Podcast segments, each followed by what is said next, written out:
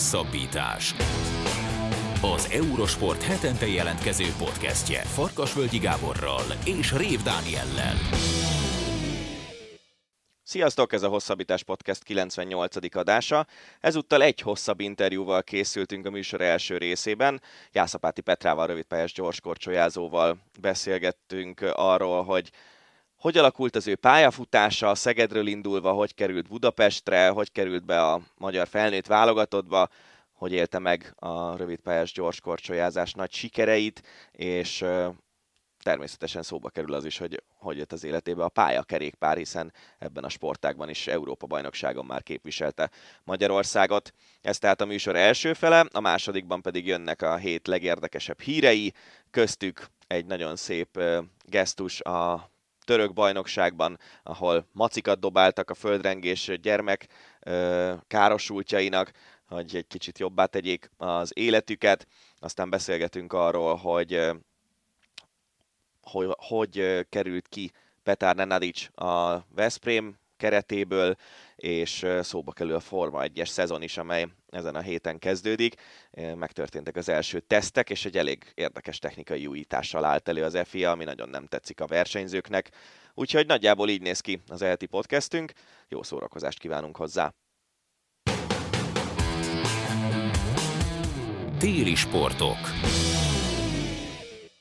Köszöntjük a vendégünket, Jászapáti Petrát, köszönjük szépen, hogy elfogadtad a meghívásunkat. Köszönöm szépen a meghívást, és örülök, hogy itt lehetek most. Egy, egy gyors bemutatást regélnék. 98 szilveszterén születtél Szegeden, olimpiai bronzérmes, világbajnoki ezüstérmes és Európa bajnoki ezüst és bronzérmes gyorskorcsolyázó, aki egyben kerékpárversenyző is, ez én nagyon érdekesnek tartottam, nyilván erre is majd ki fogunk térni. Elég komoly a táncrended, itt most edzések között tudtál vállalkozni erre a beszélgetésre, úgyhogy gyorsan bele is vágunk. Igazából ugye közelek a világbajnokság, ez az apropója többek között annak, hogy, hogy beszélgetünk. Mielőtt így elkezdenénk a kezdetektől a pályafutásodat felölelni, hogy hol tart a felkészülésed, hogy érzed magad, hogy megy a, a VB-re való felkészülés? Köszönöm szépen, jól megy a VB-re való felkészülés, ugye az utolsó világkupa óta Um, közel két hét telt el, pénteken utazunk a világbajnokságra, úgyhogy már izgatottan várom én is, meg a csapat is, hogy szóban megmérettethessük magunkat. Ilyenkor mennyi edzésed van egy nap, vagy edzésetek van egy nap? Két edzés van általában, hétfőtől péntekig, néha szombaton is van egy.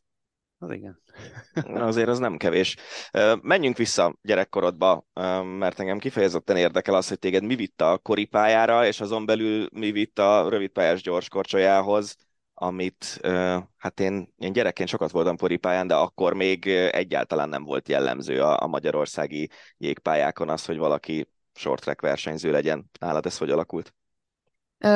Görkocsát jöttek oktatni még az óvodába, és nagyon megtetszett, jártam versenyekre, és akkor még ilyen sorversenyek voltak. Később kimentem a Szegedi görkori pályára is, és aztán, mikor jött az általános iskola, akkor édesanyám mondta, hogy hát, hogy szeretné, hogy a görkori, hogyha meg szeretném, hogy maradjon, akkor megmaradhat, de hogy szeretné, hogy jégre is elmenjek. És így kerültem el a jégpályára először is és hát utána egy idő után, kb. 8 éves korban döntenem kellett, hogy rövidpályás gyorskorcsolya vagy görkorcsolya, mert a technikája az különbözik.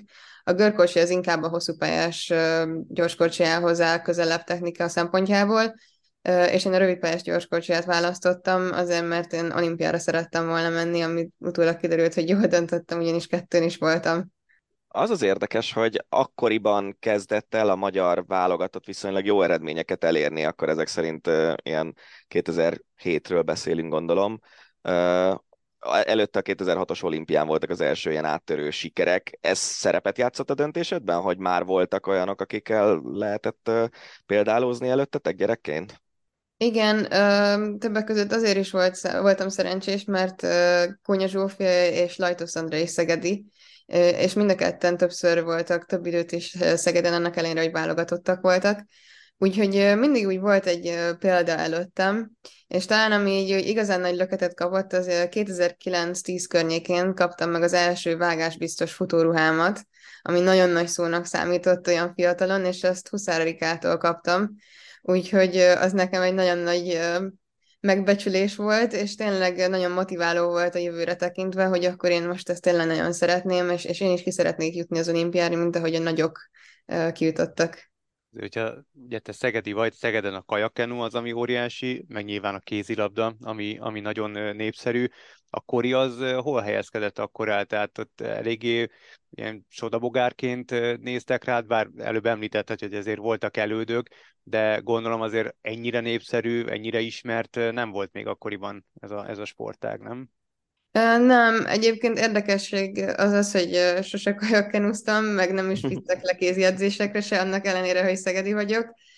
Nem tudom, szerintem az élet az így erre vitt engem, és a szüleim meg támogattak mindenből, amit a fejembe vettem. És igazából nem volt uh, híres sportág, meg, meg még most is talán, uh, mikor Pestre jöttem a gimnáziumba, akkor is szerintem nagyon kevesen voltak, talán ketten vagy hárman voltunk, akik téli sportágot űztek, úgyhogy már csak ezért is egy uh, különlegesség a rövid Pest gyorskorcsolya, hiszen téli olimpiai sportág, nem nyári, és a legtöbben csak a nyári olimpiáról tudnak. Amúgy az a családban bárki korcsolyázott előtt, azt uh, tudni nem tudtam, de amikor utána néztem, akkor, akkor láttam, hogy a, a testvér, az öcséd is gyors korcsolyázó, de a szüleid életében a korcsolya az játszott bár, vagy a család életében játszott bármiféle szerepet? Vagy ez csak jött a, gor, a görkori miatt, és, és ennyi? Ö, nem, a szüleim nem voltak élsportolók, és nem is löktek a felé, hogy, hogy én élsportoló legyek hanem ez szerintem csak így kialakult az évek során, hogy motivált voltam benne, a szüleim támogattak, elvittek a jégpályára minden egyes nap, szombatonként hajnal keléssel a jégpályára mentünk, úgyhogy szerintem ez ugyanúgy, ahogy az én kitartásom, az ő kitartásuk is nyilván fiatalabb koromban nagy szerepet játszott ebben, és igen, öcsém is rövidpályás gyorskocsiázik, és válogatott tagja, olimpiai válogatott tagja, Hát neki szerintem inkább azért jött a gyors korcsoly, mert hogy én jártam a jégpályára, és akkor talán egyszerű volt a szüleinknek az, hogy akkor mind a két gyerek egy helyre megy. És Szegeden űzni ezt a sportágat, az nehezebb volt, mint ha mondjuk, hogyha budapestiek lennétek? Őszintén nem tudom ezt így összehasonlítani. Szegeden is volt kettő-három egyesület már akkor is, ahol lehetett görkorizni és meg jégkorizni is. Én először egy Görköris Egyesületbe kezdtem, és utána a Szegedi Korcsányázó Egyesülethez mentem át, ott Szabó Krisztián vezetése alatt volt akkor a, a csapat, most Lajtos Szandra ott a vezetőedző. Igazából szerintem nem volt kifejezetten egy olyan dolog, hogy jó, Szegeden könnyebb, vagy Pesten könnyebb. Nem tudom, így visszatekintve csak úgy pörögtek a napok, én meg jártam edzésre, és, és egyszer csak ide kerültem, hogy akkor Pestre kell jönni, és válogatottság. Mennyit te edzettél gyerekként? Akkor az hogy nézett ki? Uh, heti hatszor edzettem. Uh, minden nap volt jeges edzés, vagy száraz edzés. Aztán amikor ilyen 13-14 éves lettem, mielőtt még válogatott lettem volna, akkor kezdtem el konditerembe járni. Nyilván nem súlyzós edzések voltak, saját súlyjal edzettem, de Krisztián akkor adott nekem már edzéseket konditeremben is, szóval akkor akkor ez úgy volt, hogy kedden és pénteken talán suli előtt konditermi edzés, és suli után meg jeges edzés. Az anyukám a Szegedi, meg gyerekkoromban rengeteget voltam lent Szegeden, nagyon szeretem a, a város, de ennél fontosabb, hogy nekem mindig az volt a benyomásom, hogy, hogy Szeged amúgy is egy ilyen sportközpont, és nagyon megbecsülik a, a sportolókat. A, téged megismernek Szegeden? Tehát ha végigmész mondjuk, nem tudom, Kárász utcán, akkor, akkor megállítgatnak, kérnek tőled autogramot, kapsz ingyen sütit a cukrászdába, vagy bármi, vagy, vagy, vagy nem? Ö, nem, nem igazán. Nyilván azért nem akkora nagy a sportunk, hogy ezt, hogy így felismerjenek az utcán, akár Szegeden, akár Pesten. Ö, nem, még ott nem járunk. De igen, Szegednél egyébként az egy érdekessége a Szegeddel kapcsolatosan, hogy mind az általános, mind a középiskolám pont aznak a villamosnak a vonalán volt, ami pont a jégpálya előtt rakott le. Szóval, hogyha még szüleim nem is tudtak elvinni minket, akkor csak villamosra pattantunk, és fél órán belül ott voltunk. Azért ez egy szerencsés helyzet. Igen. Mikor volt az a pillanat, ahogy nőttél föl, amikor már látszott, hogy ebből, ebből azért egy ilyen komolyabb sportkarrier kifejlődhet, mint ami lett belőle végül? Öm, talán akkor szerintem, amikor öm, érdekessége a sportágunknak, hogy Kelet-Európának is vannak ö, versenyei, ö, junior korosztálynak, meg Nyugat-Európának is, és a kelet-európaiak és a nyugat-európaiak is pontokat gyűjtenek, és a szezon végén, március utolsó hétvégén általában van egy ilyen Európa Kupa nevezetű verseny, ahol a top azt hiszem 8 kelet-európai és top 8 nyugat-európai összeméri az erejét. Nagyjából, mint egy kis Európa-bajnokság juniorkorú versenyzőknek saját korosztályokba, és olyan 12-13 éves lehettem, amikor dobogós helyezéseket kezdtem el már elérni ott, illetve az országos bajnokságokon is így meg-megvillantam, és a Szocsi olimpia után hívtak először válogatott edzőtáborba a nyáron, és akkor kezdett el úgy igazán komolyodni a dolog, 14 nyarán, és utána 14 decemberében mentem az első világkupámra. 16 évesen, sőt, 15? 15, igen, igen. Az, én tudom, hogy elő-elő fordul, de azért az ritka fiatalkor világkupá indulóknál, nem? Uh, igen, uh, általában az ázsiaiak szoktak ilyen nagyon korán menni világkupázni, ők körülbelül 20-22 éves korukig csinálják a sportot, és utána abba is hagyják. Uh, Kanadában ott inkább arra teszik a hangsúlyt, hogy minél tovább maradjon a junior korosztályban a gyermek, és mondjuk nem tudom, 18-19 évesen mennek először világkupázni.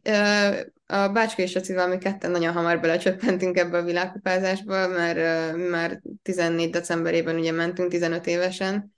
Nekem még az volt igazából az érdekesség, hogy ugye én akkor még Szegeden jártam a Deák Ferenc Gimibe, iskolába. Az első két évemet ott töltöttem, és ugye, ahogy említetted is, sportszeretőek a szegediek. Óriási támogatást kaptam tőlük, mert decembertől márciusig nem is jártam be iskolába. Hm. Úgymond magántanulóként tanultam. Mégis megírtam az összes dolgozataimat, témazárókat, mindent, és utána iskolát váltottam, és a 11. évemet azt már a Vörös Marti Gimnáziumban kezdtem el itt Budapesten. Igen, ezt akartam kérdezni, hogy ezt az iskolával hogy lehetett összeegyeztetni ezt, az, ezt a, az élsportot, tehát a, a reggeli kerést, a délutáni edzéseket, a világkupákat, a sok utazást, mert nyilván utazni kellett, de akkor ezek szerint megértőek voltak a tanárait folyamatosan. Igen, szerencsés voltam mind az osztályfőnökök, mind az igazgatók terén, illetve az iskola is kifejezetten támogatott Szegeden is meg aztán a Vörös Marti Gimnázium az egy sportis, sportiskola itt Budapesten, és ők is, tőlük is rengeteg támogatást kaptam, úgyhogy hálás vagyok minden iskolámnak, ahova eddig jártam, mert tényleg nagyon szerencsés voltam ebből a szempontból.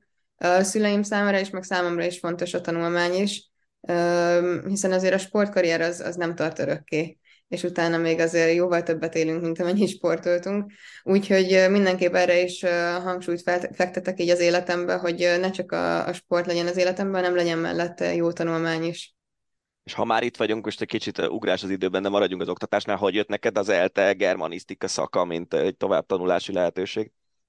Ö, általános iskolában nekem az első nyelvem, idegen nyelvem az a német volt Uh, angolt azt ötödik osztálytól kezdtem el tanulni, szóval a német az nagyon hosszú időn keresztül elkísért, uh, és aztán uh, időteltével oda jutottam, hogy hát akkor választani kell egyetemet, és azért fontos volt nagyon a sport, mert ez pont Pyeongchang előtt volt, hogy egyetemet kellett választanom, és igazából édesanyám ajánlotta első körben, hogy hát miért nem tanulok valami nyelvet, úgyis szeretem a németet is, meg az angolt is, és meg rábólintottam, hogy jó, akkor legyen. Nyilván utána jártam, megtetszett a szak, tetszett az, hogy esetleg fordító lehetek később, ami most, most majd szeretnék majd lenni valamikor. De igazából így, így kezdődött a germanisztikán való tanulás. Egyébként meg helyszínileg is tökéletes helyen van, felszállok a buszra, és kb. 15-20 percen belül ott vagyok az egyetemen, Úgyhogy, úgyhogy minden szempontból nagyon jó iskola volt nekem, és a tanulmányi eredményeim alapján be is jutottam oda. És Pyeongchangban voltál, amikor leadtad a jelentkezésedet, mert ez körülbelül akkor szokott lenni február közepén, nem az egyetemi jelentkezés határideje? Igen, igen, nem, nekem pont egy évvel előtte volt, én 17-ben érettségiztem, úgyhogy én az egyetemet ezt nem is aktívan kezdtem, hanem passzívra raktam magam rögtön egy évig, mert hogy úgy döntöttem, hogy jó, akkor most tényleg százszerzalékosan az olimpiai felkészülésre fókuszálok, itt van a lehetőség, hogy az első olimpiámra kiussak, és akkor tényleg mindent alávetek ennek, és, és így is sikerült ugye kijutni Pyeongchangba is, és akkor utána 18-ban kezdtem el az egyetemet úgy igazán. Mindig az érdekel, hogy hogy egy élsportolónál azért nyilván a fiatal korotok a, legbulisabb időszak az, az folyamatosan az edzésről szól. Mennyi lemondással jár ez? Tehát te fiatalabb lányként neked volt bármiféle buli élményed, fesztiválok, szórakozás, esti eljárogatás, stb. stb. Vagy, vagy szigorúan csak a sportnak éltél, és, és miután élsportoló vagy, ezért ezekből neked ki kellett maradnod? Vagy megélhetted-e? Hát a 99%-ából kimaradtam. És ezt bánod? Vagy, vagy, vagy kárpótol a sportélet a sok eredménnyel és a, a sikerességgel? Abszolút nem bánom. Nyilván, amikor nem tudom, 16-18 éves voltam, akkor rosszul esett itthon maradni, mondjuk, vagy például a, szalagavatómnál nekem este nyolckor vége lett a szalagavatómnak, mert másnap már utaztam a világkupára Ázsiába, de nem, nem bánom. Én úgy gondolom, hogy egy fantasztikus karrierem volt eddig, és remélem, hogy ez így is marad, és nem bánom egyik pillanatát se, az, hogy ki kellett maradnom mondjuk bulikból. Ezt többen megkérdezték már egyébként, de én mindig azt mondom, hogy hát nekem mindig mérlegelnem kellett, hogy persze, elmentek szombaton bulizni, de utána a vasárnapom az kuka mondjuk. Kapásból én a lá, nekem a lábaim a munkaeszközeim, amin ott állok, vagy mondjuk táncolnék, nekem ez nem éri meg, nekem ez nem érte meg. Úgyhogy én, én inkább mindig otthon voltam, tanultam, meg ugye edzésre jártam. És a személyiséged egyébként igényelte volna? Mert azért ugye vannak olyan emberek, akik nem élsportolók, és mégse járnak el bulizni, mert egész egyszerűen nem vágynak erre az élményre, vagy, vagy a közegre, vagy akármi másra. De te egyébként egy ilyen nyitott és társaságba szívesen járó személyiségű embernek gondolod magad? Ö, szeretem a társaságot, de bevallom őszintén nem is hiányozna a bulizás. Szóval, hogy igen, én nem az a személyiségtípus vagyok, akinek ez nem az, hogy lételeme, de hogy, hogy szükségem van rá szeretek társasozni, nyilván szeretek összeülni barátokkal, de mondjuk nekem az estének vége van körülbelül 10 óra körül, mert nekem így ennyire van szükségem emberileg, vagy személyiségtípus szempontjából. Igazából nekem ez így jó volt. Én, én szerettem, meg szeretem is ezt, a, ezt az életstílust. Az a kép, ami a közösségi médiából látszik, hogy ti a, a magyar válogatott legalábbis a lánytagokkal mindenképpen nagyon jó baráti viszonyt is ápoltok egymással. Ez, ez tényleg így van? Vagy azért vannak feszültségek, amik, amik mondjuk így a hosszú távon elsimulnak, és inkább a pozitív képeket próbáljátok magatokról sugározni? Uh, úgy gondolom, hogy minden kapcsolatban vannak konfliktusok, de szerintem az utóbbi nem tudom, egy éve biztos, de előtte is egyébként, mert még Heidenberg, meg Kesznerandi amikor még ők koriztak, akkor is, mi ezeket meg tudtuk beszélni egymással, és szerintem egy nagyon összetartó csapat volt mindig is a, a lánycsapat. Most is például havonta eljárunk együtt vacsorázni, pedig hát, ahogy mondtam, heti hét napból ötöt együtt töltünk egyébként edzésen, de mondjuk egy három-négy hetes edzésblokk végét úgymond megünnepeljük egy hamburgerezéssel mondjuk, amivel így lezárjuk azt, a, azt az időszakot vagy azt az edzés időszakot. És egyébként igen, szerintem, hogy jól meg vagyunk, meg persze, amikor össze vagyunk zárva két-három hétig egy edzőtáborba, akkor azért lehetnek konfliktusok, de ezeket mind meg tudjuk beszélni egymással, és szerintem ez egy fantasztikus dolog. Most, hogy említetted a hamburgerezést, oda kell figyelni a kajára nagyon nálatok, vagy, vagy miután eléggé kardiós az edzés, ezért ezt úgyis nem mozogjátok? Oda kell figyelni, igen. Heti, két heti rendszerességgel van testösszetételmérés, ahol ez monitorozva van. Egyébként tavalyi évben nagyon-nagyon keményen odafigyeltem. Most azért persze odafigyelek, de a tavalyi év az nagyon csúcsra volt járatva, ami nyilván nagyon nehéz és megterhelő. Idei évben is azért oda kell figyelni, meg úgy egyébként is, mert nálunk is mondhatni azt, hogy minden gram számít, hiszen azért mégiscsak saját magunkat cipeljük a jégen, úgyhogy fontos az, hogy, hogy ne legyen súlyfelesleg, illetve hát ugye az, az izomarány is megfelelő kell, hogy legyen ahhoz, hogy a gyorsaság meg az állóképesség az meg legyen. És te ilyen speciális étrendet követsz? Tehát nem tudom, húsmentes, vagy vegán, vagy, vagy abszolút nem? Nem, igazából csak laktózérzékeny vagyok, ennyi, amit nekem, amire nekem oda kell figyelni De az viszont nagyon érdekes, hogy hogyha végignézünk mondjuk a női mezőny elején, az első 20 versenyzőn, azért elég sok különböző testalkatú versenyzőt látunk. Most így Courtney Saró jut elsőként eszembe, aki simán jégkorongozó is lehetne szerintem, mint az apukája. Szóval mi ebből a 20 versenyzőből, most a példakedvéért maradva, mindenki nagyon odafigyel a kalóriákra és arra, hogy mit teszik, vagy, vagy van, aki mondjuk úgy van vele, hogy kicsit többet megengedek magamnak, aztán majd maximum lemozgom, vagy, vagy elviselem ennek a terhét, de mondjuk jobban érzem magam közérzetileg, hogyha nem kell nagyon szigorú diétát vinnem. A Courtney-val kapcsolatosan egy érdekesség, egyébként úgy tudom, hogy ő, ő talán hokizott, nem jéghokizott, hanem nem tudom, fiat hoki talán Gyáplabda, aha. Gyáplabda, igen. Gyáplabda, gyáplabdázott, meg azt hiszem rögbizett is, szóval igen, a, a test alkata az, az olyan, ami, ahol mondjuk, mondjuk a rögbiben volt, de egyébként visszatérve a test összetételre, szerintem nem azt kell figyelni egy sportolónál egyébként is, hogy a másikhoz képest hogyan nézek ki, mhm. hanem hogy önmagamhoz képest, hogy én nekem mikor jó, hogy nekem mennyi testzsír százalékkal jó, milyen izomaránya jó, Szerintem egyébként a top 20 versenyző az odafigyel magára, nem feltétlen azt nézi, hogy hó, most nekem mentálisan jót tenne, hogyha megennék még három csokit este tízkor, mert hát nyilván tudjuk, hogy az hova fog menni.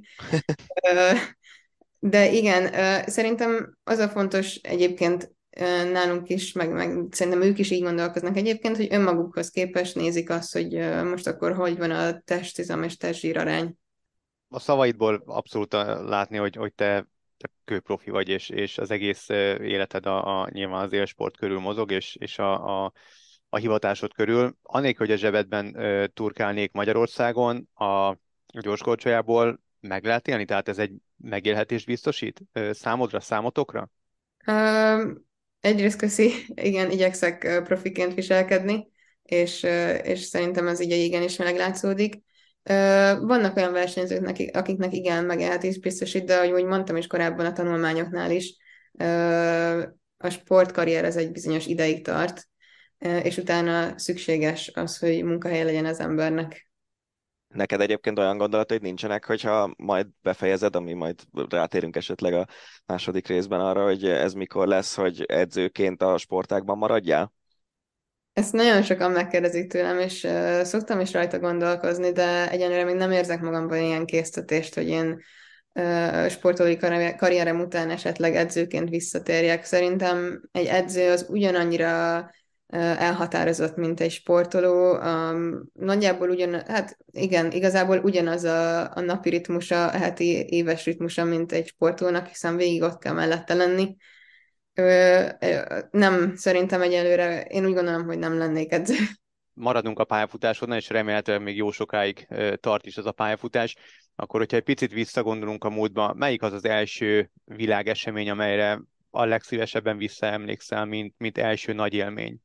Első nagy élmény szerintem Dresdai világkupa, ahonnan két világkupa érmet gyűjtöttem be, egy bronzérmet egyéni ezer méteren, 2016-ot írunk szerintem, igen, és egy ezüstérmet a lányokkal váltóban.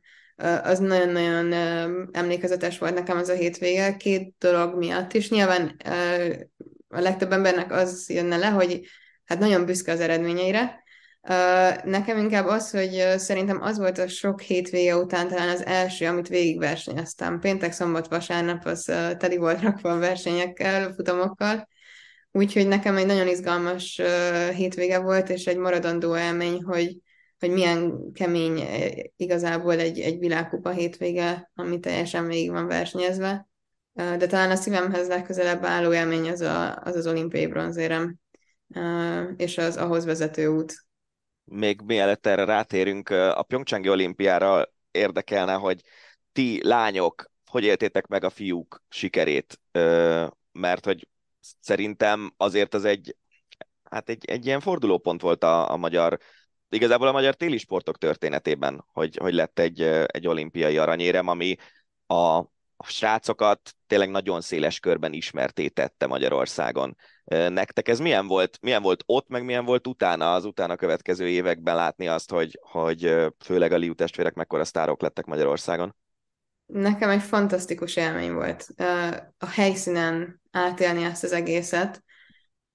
Több ezer néző előtt lettek olimpiai bajnokok, és tényleg mi, mi mind ott voltunk és szurkoltunk nekik, és ugye végignéztük az egész szezont, attól kezdve, hogy majdnem nem jutottak ki az olimpiára, addig, hogy olimpiai bajnokok lettek, szerintem ez egy fantasztikus uh, kitartás és erőt mutat, ami bennük volt akkor, és hát uh, szerintem mindenki nagyon büszke volt rájuk aznap, és mi is, lányok is. Uh, utána meg természetesen azt is láttuk, hogy ez ugye mivel jár. Hát egy óriási erő kell ahhoz, hogy egy olimpiai aranyérem után valaki visszaálljon ugye a jégre, és ezt a fiúk megtették, és ezelőtt le a kalappal mindegyik őjük előtt.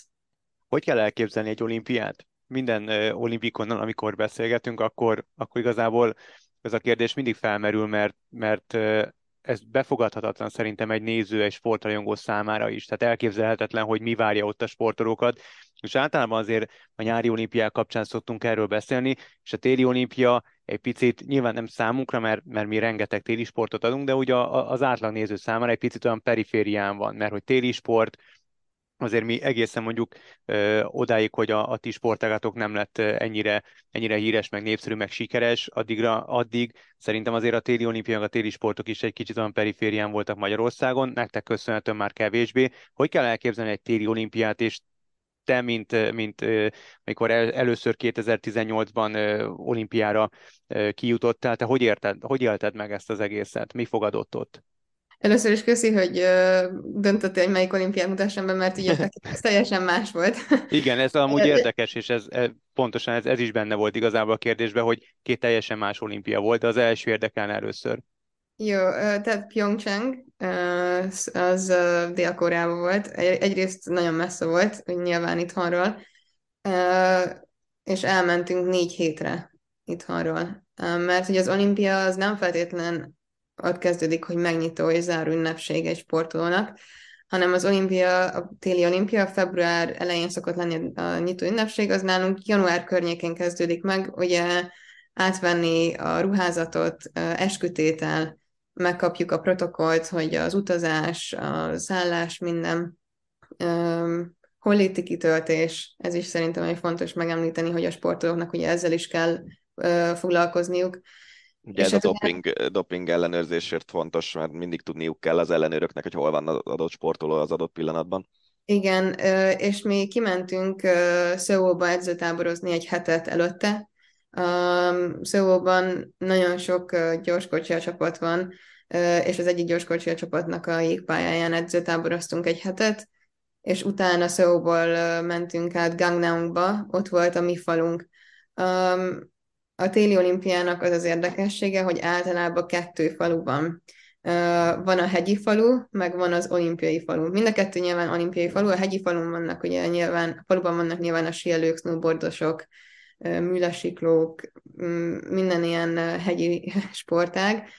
A mi falunkban voltak a hokisok, a jégtáncosok, körlingesek, bobosok is egyébként érdekesség az, hogy a bobosok is nálunk voltak ott a lenti faluban.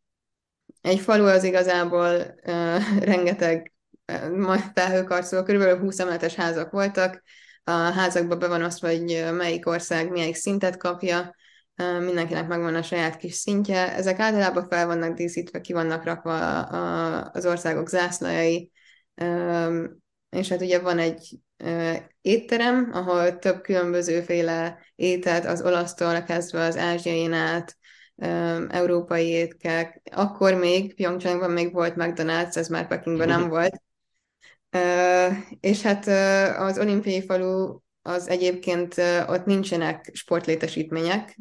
A faluból buszokkal vittek át minket a, a jégpályára, és volt egy edzőjégpálya, egy gyakorló jégpálya, illetve volt a versenyjégpálya. Mindig be volt osztva, hogy hol edzettünk. Általában a versenynapok előtti napokon már a versenyjégpályán edzettünk. Ez akkor annyiban módosulhatott, hogyha jégtáncverseny volt előttünk, akkor nyilván nem használtuk azt a jégpályát. Nagyon más az olimpia lebonyolítása nálatok, mint amilyen egy standard világkupa, meg egy, akár egy világbajnokság is. Nagyon el vannak húzva a versenyek. és, és ráadásul, ha jól emlékszem, akkor azért voltak olyanok, hogy egy szám elkezdődött az egyik napon, és aztán később is fejeződött be napokkal később. Ez nektek milyen így, így sportszakmai szempontból, hogy, hogy több idő van, sokkal több idő van pihenni a versenynapok között, viszont nagyon elhúzódik az egész. Igen, ez nagyon érdekes, hiszen négy évente versenyzünk csak így egyszer. Nekünk nagyjából a, a versenyzés az két és fél, hét, két és fél héten keresztül tart. Tehát az első versenynap, ahogy elkezdődik, utána két és fél héttel később van vége, ami egy nagyon hosszú időnek hangzik, de egyébként úgy van, hogy általában van egy versenynap, utána két nap szünet, megint egy versenynap, két-három nap szünet, és így tovább. Azt hiszem öt vagy hat versenynap van, és így jön ki a két és fél hét. Ö, és igen, van olyan, például most uh, Pekingbe volt úgy, hogy az első versenynapon az 500 selejtezők lementek, és az 500-nak azzal vége volt aznapra, és utána a mixváltó negyeddöntő, elődöntő, döntő ment. Az 500 két napra rá folytatódott, a negyeddöntő, elődöntő, döntővel. Tehát ott az első napon egy 500-at mentem, és két napra elmentem még három 500-at. Említettük, hogy ugye egyrészt eddig voltak két olimpián, véletlenül lesz egy harmadik is. Ez mennyire elterjedt a pályafutásoktok során? Tehát egy gyorskorisnál hány olimpia fér bele egy pályafutásba, illetve, illetve mennyiben volt, most nyilván ez egy, ez egy trükkös kérdés, mert tudjuk, hogy nagyon, de mennyiben volt másabb a második olimpiád, mint az első? A második olimpiám az teljesen más volt. Nyilván, úgy meséltem, hogy a, a, az étterem, a, a lakhatás, az nagyjából ugyanaz volt, mint Pyeongchangban. Külön helyen volt a, az edzés lehetőség, meg a verseny. Ezen felül meg nyilván az volt még érdekes, hogy hát maszkot kellett hordni mindenhol, minden helységben, mindig. Ö, étteremben készfertőtlenítés, nézték a, a hőmérsékletünket minden egyes zárt helyiségben, ahova beléptünk, legyen szó jégpályáról, konditeremről, étteremről, a házból, a házban, ahol laktunk, és hát nyilván a, a mindennapos COVID-tesztelés, ami, ami egy nagyon fontos pontja volt a napunknak, hiszen ha valaki pozitív lett, akkor őt teljesen elkülönítették. Ilyen a Natalia Malisevszkával, a lengyel 500-as lányjal történt meg, aki emiatt pont le is maradt az 1000 és az 500 méteréről. Lényegében az, az olimpiai arany esélyéről maradt le a, a Covid-tesztje miatt. Igen. Nálatok ez mennyire volt ilyen félelmetes a mindennapi Covid-teszt, hogy csak nehogy elkapjam, csak nehogy pozitív legyen?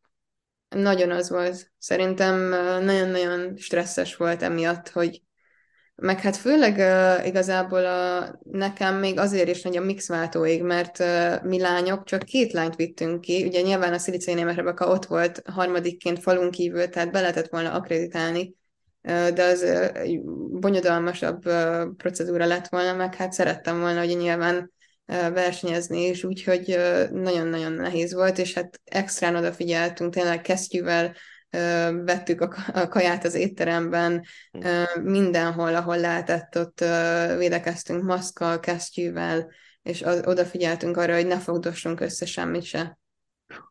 Elképesztő, hogy mennyire fegyelmezetnek kellett lenni több héten át. Hogyha az örömteli részét nézzük ennek az egész olimpiának, akkor, akkor arra hogy emlékszel vissza, illetve vissza tudsz emlékezni így az első pillanatától egészen az utolsóig, hogy hogy éltétek meg azt a, azt a hatalmas sikert, és hogy utána mennyire voltatok felszabadultak, hogy összejött az, amiért végül is kimentetek? Uh, igen, hát a kapásból ugye a, a futam az egy igazi uh, hullámos út volt. Tehát fel volt, mert hát ott voltunk második helyen, ha jól emlékszem, amikor Zsófit hátulról fellökte a kanadai lány esés, akkor utána beértünk a célba, és még akkor vártunk arra, hogy a bírók döntsenek, és hát utána egy óriási eufória volt nyilván mindenkinek, nagyon nagy öröm, hiszen ez volt az első mixváltó az olimpiák történelmében, Úgyhogy nagyon büszkék voltunk magunkra, viszont itt visszatérek arra a pontra, ugye, hogy nálunk a versenyek azok úgy szoktak lenni, hogy versenynap utána két nap szünet, tehát úgy volt, hogy versenynap, másnap medálosztás, utána szünet, és utána ezt el kellett felejteni, mert a következő napon már megint versenyeztünk. És nagyon fontos volt a fegyelem ebből a szempontból, hogy nem lehetett örömködni örültél egy bizonyos ideig, és utána ezt, ezt el kellett rakni egy dobozba, ezt később ki lehet nyitni, és lehet örülni neki újra, de még volt előttem addig az összes egyéni távon, hiszen a mixváltó volt az első nap.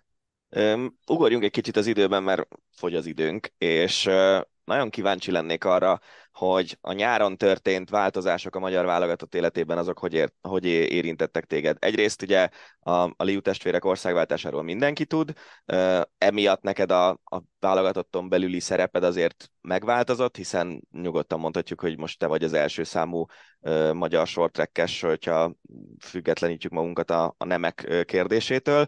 Másrészt pedig uh, érkezett Nicholas Gooch a csapat életébe, aki korábban hát leginkább Alice Christie edzőjeként volt ismert, és ő megkapta a magyar női válogatott irányításának a feladatát, és amilyen interjúkat hallottam tőletek az elmúlt hetekben, hónapokban, ezzel a, a, az új edzővel mindenki nagyon elégedett, és, és úgy tűnik, hogy nagyon jó irányba indult el a, a női válogatott te hogy élted meg egyrészt azt, hogy, hogy megváltozott a szereped, meg hogy élted meg azt, hogy, hogy jött egy külföldi edző, aki kifejezetten rátok koncentrál, és milyen vele együtt dolgozni? Eddig is ugye a női válogatottnál én voltam a legsikeresebb az elmúlt években, de én ezeket nem szeretem így felhozni, mert, mert szerintem ezek nem fontos kérdések. Minden egyes verseny egy más lehetőség, új lehetőség mindenkinek.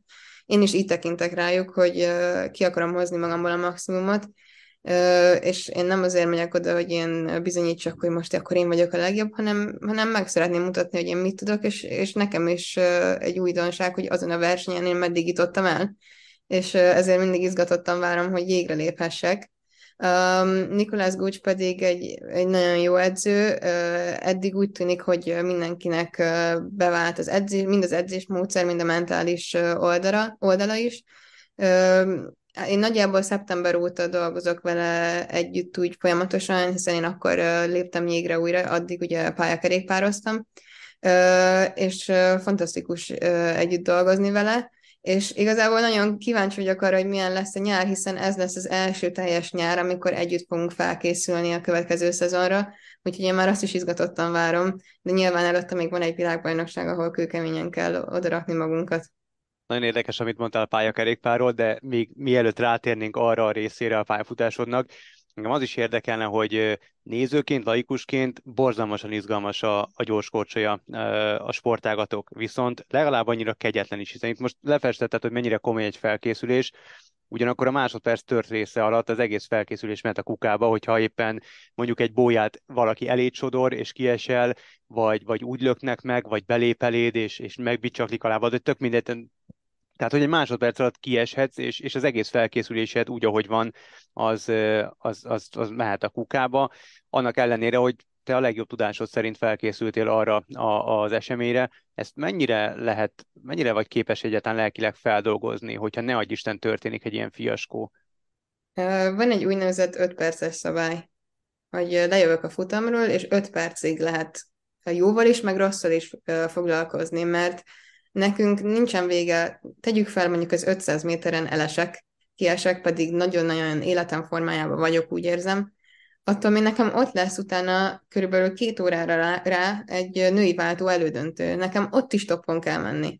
Úgyhogy ezért lett kitalálva ez az 5 perces szabály. 5 percig lehet mérgelődni, kiabálni, mérgesnek lenni, és utána el kell felejteni, tovább kell lépni, utána ki lehet elemezni, persze, hétfőn, amikor már utazunk haza, akkor ezeket a dolgokat ki lehet elemezni, de addig ez, ez, ezt nem, ezt félre kell rakni.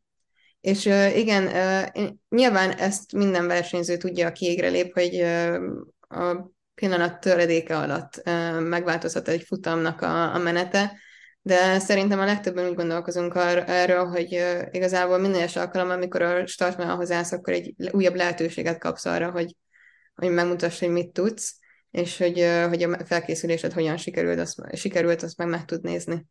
Mennyire vagy elégedett ezzel a világkupa szezonnal, meg az Európa bajnoksággal? Eddig teljes mértékben elégedett vagyok a szezonnal, mind eredménybeli szempontból, mind pedig ahogy a futamokon versenyeztem. Nyilván rengeteg fejlődési pont van még, amit minden alkalommal versenyek után kielemzünk az edzőkkel, Viktorral és Nikkel, Na, akkor térjünk rá arra a pontra, ami, ami az egész pályafutásod nagyon ö, ö, érdekes, és, és, ö, és ez az egész beszélgetés számomra legalábbis lebilincselő. Egy másik nagyon érdekes pontja a pályafutásodnak ez a pályakerékpár. Ez, ez kiegészítő sportág a gyorskorcsolya mellett, vagy, vagy ez is egy ilyen libling sportág számodra, és legalább annyira fontos, mint a kori? Ezt mindig elmondom, hogy első számú sportom az a rövidpályás gyorskorcsolya. Érdekes került az életembe a pályakerékpár, még pedig úgy, hogy ugye hát volt a Covid 2020-ban, és nem lehetett akkor teljes mértékben együtt edzeni, ezért biciklizni kezdtünk el. És lementünk résztávozni a Margit szigetre, nem tudom, biztos hallottak a nézők is arról, hogy volt ez a kisebb balesetünk, ott egy busszal ütköztünk, és akkor Pataki Bolyát felhívta Bányidi Ákos, hogy Patakai Boly egyébként a pályakerékpáros válogatottnak az edzője, hogy tudná segíteni ebben, hogy akkor mi tudjunk résztávozni valahol biztonságos körülmények között, és akkor mondta Ibi, hogy hát menjünk le a millenárisra, ott nem fog senki szembe jönni velünk, biztonságos helyen vagyunk, és így kerültünk le, vagy így kerültem le a, a, a pályakerékpáros közegbe, és aztán az olimpia után Ibi kérdezte, hogy nem lenne kedvem elmenni az Európa-bajnokságra, ami augusztusban lesz, vagy hát augusztusban volt Münchenben, 2020. augusztusában, és mondtam neki, hogy hát figyelj, olimpia utáni év, miért ne? Legalább edzésben maradok, el is kezdtem edzeni megint májusban, igaz, csak bicikliztem, meg konditermi edzésekre jártam, de ezek szerint adott egy jó alapot erre a szezonra. De azért az, hogy szinte a semmiből egy-két év alatt olyan szintre jutottál, hogy magyar bajnokságokat nyertél, és, és Európa bajnokságon indultatok, az, az azért egy komoly fejlődést feltételez, hogy, hogy lehet, hogy, hogy egy ilyen univerzális sporttehetséggel vagy megáldva, és bármibe kezdenél, abban jó lennél? Hát akarom ezt inni, de nyilván nem ez az igazság. Rengeteg kemény munka volt a pályakerékpáros lehetőségek, meg az eredmények mögött is. Nyilván most, hogy majd nem sokára meg fog nyílni a fapálya, és itt Budapesten az nagyban elő, fogja segíteni a, a pályakerékpárosok életét is. Én még a millenárison készültem a, az Európa-bajnokságra, meg országúton. Igazából nagyon tetszik a sportág, és már korábban is volt arra példa Evgenia Radonova személyében, aki mind nyári, mind téli sportákban, uh, ugye ő olimpián volt rövidpályás gyorskorcsajában is, és pályakerékpárral is, Úgyhogy szerintem ez egy izgalmas dolog. Igazából tényleg az, hogy nekem fantasztikus volt egy másik sportot megismerni, és, és ott más ingerek értek teljesen, ami szerintem nagyban segített abban, hogy, hogy hogyan tekintek akár a gyorskorcsijára is, meg hogy a stressz hogyan kezeljem. Az minden esetre jó, hogy ott is csak balra kell kanyarodni. Lassan a, a rendelkezésre álló időnk végéhez érünk, úgyhogy térjünk rá egy picit a világbajnokságra. Van valami olyan eredmény, ami, amire azt mondod, hogy fú, szeretnék pont-pont-pont mondjuk érmet nyerni, vagy valami ilyesmi, vagy, vagy úgy akarsz neki menni a VB-nek, hogy, hogy hoz ki magadból a maximumot, aztán meglátjuk, hogy ez eredményben mit ér. Inkább a, a második opciót választom, amit mondtál. Uh, igen, szeretném a maximumot kihozni magamból, mint ahogy minden egyes másik verseny, és majd meglátjuk, hogy ez mire fog kifutni. Ahogy korábban is beszéltünk róla, uh, bármi megtörtént a mi sportágunkban, Korábban említettem más interjúkon is, hogy Susan Schulting például a Dortrekti világkupán otthoni pályán az elődöntőben első helyen elesett a váltóban. Tehát tényleg bármi benne van a sportágunkban, és inkább szeretném ezeket a lehetőségeket kihasználni, hogy, hogy én is odállok a rajtvonalhoz, meg mindenki más is, és szeretném a maximumot kihozni magamból. A váltóval az éremszerzés az, az neked személyesen többet jelentene, mint mondjuk egy egyéni érem? Szerintem ezt nem lehet összehasonlítani, hogy, hogy csapatban, vagy egyéni érem, vagy a csapatérem, vagy az egyéni érem a, a szívemhez közelebb álló, mind a kettő az lenne. Váltóval is most nagyon érdekes utakat járunk be a váltóval, hiszen Dortmundben például más pozícióban versenyeztem, nem én voltam a befejező ember, hanem a Bácska is ára Luca, ami egy, megint egy érdekes fényt vetett a váltóra, és kérdéseket tesz fel bennünk, hogy azt hogy így is lehet, és hogy, és hogy így is működik. és ez egy ilyen szabadságot ad nekünk, hogy bárkit bármelyik pozícióba betehetünk, és, és működni fog a váltó, és szerintem ez egy nagyon jó dolog. Ilyet a kanadaiaknál szoktunk általában látni, hogy próbálkoznak mindenkivel minden egyes helyen. Hát te nagyon fogunk szurkolni nektek a világbajnokságon, hogy jól kijöjjön a lépés, meg neked személy szerint is, és nagyon szépen köszönjük, hogy a rendelkezésünkre álltál. Köszönöm szépen a meghívást és a beszélgetést is. Ácsi. A hét legérdekesebb hírei. A mai műsort is szokás szerint az Ácsival zárjuk. Kerékpárral kezdünk. Hatalmas volt az érdeklődés Walter Attila bemutatkozásával kapcsolatban, új csapatában, a Jumbo Viszmában. Attila Grand Camino versenyen tekert első alkalommal, új csapatában, és olyannyira fontosnak gondoltuk, hogy itt két szakaszt magyarul közvetítettünk, Aha. miközben ez csak digitális csatornáinkon lett volna elérhető és nagyon jó számokat is produkált, most nyilván nem dicsekszünk, de azért egy kicsit dicsekszünk is, de igazából amiért ezt mondom az az, hogy, hogy, hogy tényleg nagy az érdeklődés. Tehát az embereket Aha, érdekli abszolút. az, hogy Walter Attila hogy mutatkozik be az új csapatában, és érdekli a kerékpár a, a magyar sportrajongókat. Tök jó. Igen, és euh, én azt hiszem, hogy az, hogy az a kép, hogy a magyar bajnoki trikós versenyző viszi a tempót a Tour de France győztese előtt, és ketten tudnak az egész mezőnyből vele jönni, az a kép azért az egy meghatározó élmény annak, aki ezt látta. Úgyhogy, úgyhogy tényleg jól is ment. Ati végül ugye negyedik lett összetetben, de um, tegnap Gergőnek küldött egy üzenetet, amiben elmesélte, hogy azt kérték tőle a csapatánál, hogy ne kockáztasson a kanyarokban, meg a lejtmenetekben az időfutamon, hanem ők ezt lényegében elkönyvelik ezt az eredményt úgy, mint hogy a harmadik lett volna. Nekik mindegy, hogy most a, az Ati harmadik vagy negyedik ezen a versenyen, mert nem, nem számít ez a, akár a világranglista beli különbség, vagy, vagy ilyesmi. Sokkal fontosabb az, hogy egészséges maradjon Tutira a következő versenyekre, mert ugye hétvégén Strade Bianche, utána jövő héten Tirreno Adriatico, mert hogy bekerült abba a csapatba, és ott ráadásul a hegyekben ő lesz az egyik legjobbja a Jumbónak, mert Fanárta a nagy név, aki azért hegyekben nem megy úgy, mint Ati szerintem. És, és akkor utána megy a Milánó Szárémóra, ami a, a sprinterek nagy klasszikusa szokott lenni, de ott is szerintem őt azért viszik oda, hogy Fanárt előtt egy olyan tempót menjen a Poggio nevű emelkedőn, vagy akár már a, a Cipresszán, ami egy kicsit korábban van, ahogy, ami a sprinterek dolgát nagyon megnehezíti. Tehát oda szerintem ő, őt rombolni viszik. Tök jó. Ja. És, ö, és ezt mind lehet nálunk látni. Ezt mind lehet nálunk látni, igen. Ráadásul egész nagy terjedelemben. Komoly. Ami még eszembe jutott a Tival kapcsolatban, illetve hogy amit mindenképpen meg szeretnék jegyezni, az az, hogy a laikus kerékpárajongó számára annyira szimpatikus, ahogy ő egyrészt ezt az egészet kezeli, ahogy a közösségi médiás megjelenéseit kezeli, hogy milyen szinten kiszolgálja a szurkolókat, hogy hát kvázi kisregényeket ír minden verseny után, Igen. hogy mi volt a jó, mi nem volt jó, mi a benyomása, tök jó. Annyira kiszolgálja a rajongóit, le a kalappal, szerintem példaértékű. Meg én most azt érzem rajta, anélkül, hogy beszéltünk volna, hogy, hogy most nagyon lelkes. Tehát, igen, hogy ő, őt igen, is igen, nagyon felvillanyozza az, hogy, hogy három hetes edzőtábor Tenerifén, ott ugye Vingegorral voltak szobatársak, együtt edzett Fanártal, nem, nem emlékszem, hogy Roglic is ott volt, de talán igen, tehát egy tényleg olyan világsztárjai a kerékpársportnak a csapattársai, akik, akikről, tehát tényleg ugye onnan, hogy egy-egy versenyen, egy mezőnyben indulsz, mondjuk Valverdével, nagy sztárokkal, stb. Onnan pár év alatt jutott el oda, hogy együtt egy szobában alszol a Tour de France címvédőjével.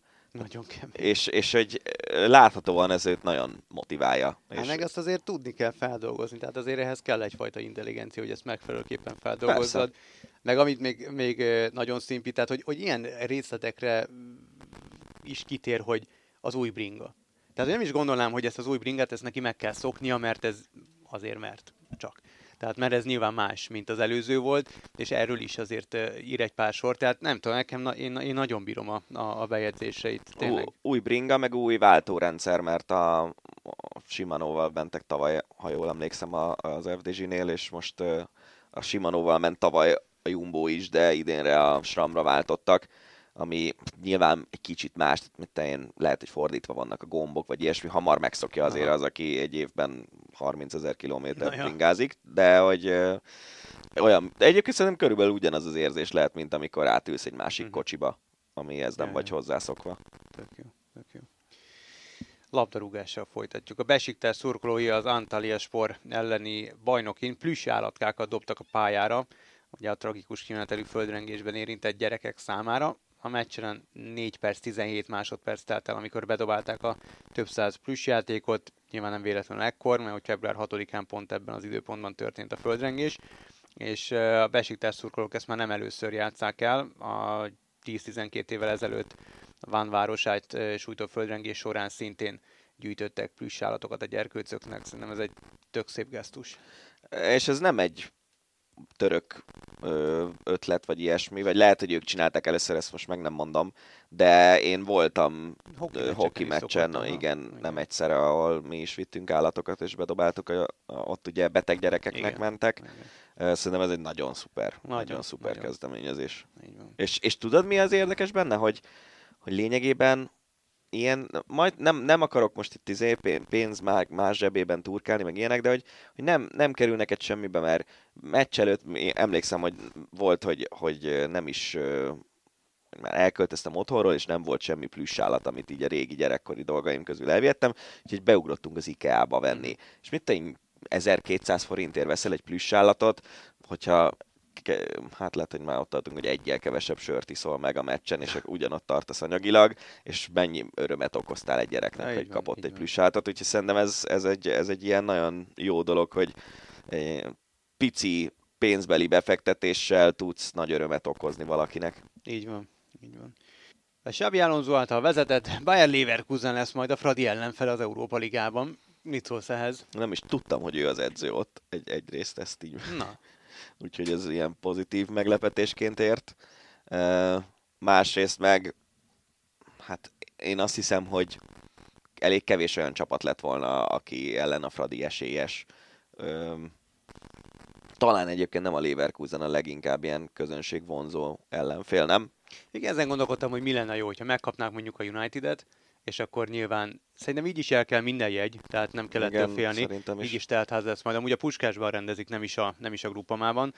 Tehát én nem gondolom, hogy, hogy ne lenne teltház. Tehát ebből a szempontból akkor már inkább egy olyan csapat jöjjön, aki ellen nagyobb az esély a továbbjutásra. Megnéztem, a Leverkusen jelenleg a 11. a bajnokságban, a Bundesligában, 28 ponttal, pont 10 egységgel lemaradva a Frankfurttól, amely a hatodik és még európai kupa indulás jelentő pozícióban áll.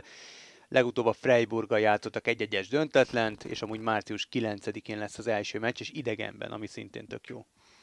És ugye a Monaco ejtette ki ebben a playoff körben Igen. a, a Frankfurt.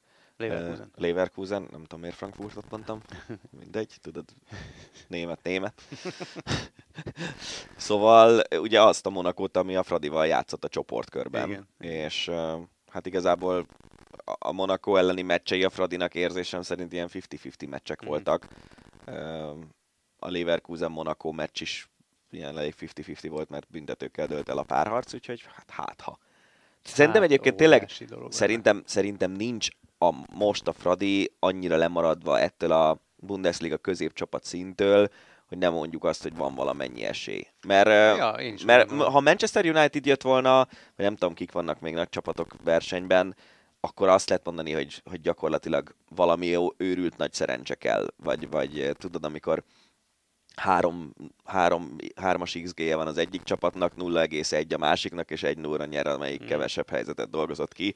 Ilyen meccsen bárkit meg lehet verni fociban, de, de szerintem a Leverkusen ellen nagyon nem ez a helyzet, hogy ennyire esélytelen lenne a Fradi. Nem, én, én sem gondolom úgy, anélkül, hogy ilyen hurrá hangulat áradna felülünk, én, én abszolút úgy gondolom, hogy ez, ez egy nyerhető párharc, és nem lebecsülve a Leverkusent, illetve nem felnagyítva a Fradit, de azt gondolom, hogy, hogy ebből a párharcból nyugodtan tovább jutott a Fradi. Aztán megnézzük, hogy valóban így lesz-e, és ha igen, akkor majd a következő körben mi lesz, de nem tudom, én, én elég élvezem ezt az egészet. Annak ellenére, hogy soha nem is voltam Ferencváros szurkoló, nem vagyok egy ilyen lokálpatrióta, de, de szerintem tök jó, hogy, hogy akkor átmegy ez a csapat. Kiszámoltad, hogy ez mennyi pénzedbe került ez az élvezet? nem, ideig még nem jutottam Egyszer el. számolt ki, és akkor lehet, hogy kevésbé leszel lelkes. Oké, okay. rendben. Lelkesek lehetnek a Manchester United szurkolók is, mert hogy 2017 után végre ismételten kupát nyertek, a Liga kupát nyerték meg a Newcastle ellen, úgyhogy Erik Ten Hag jött, látott, és egyre úgy tűnik, hogy hogy győzött, legalábbis egy kupát már biztos, hogy szereztek vezetésével a, ez, a Manchesteriek. Ez vasárnap volt, ugye? Uh-huh. Ez a döntő.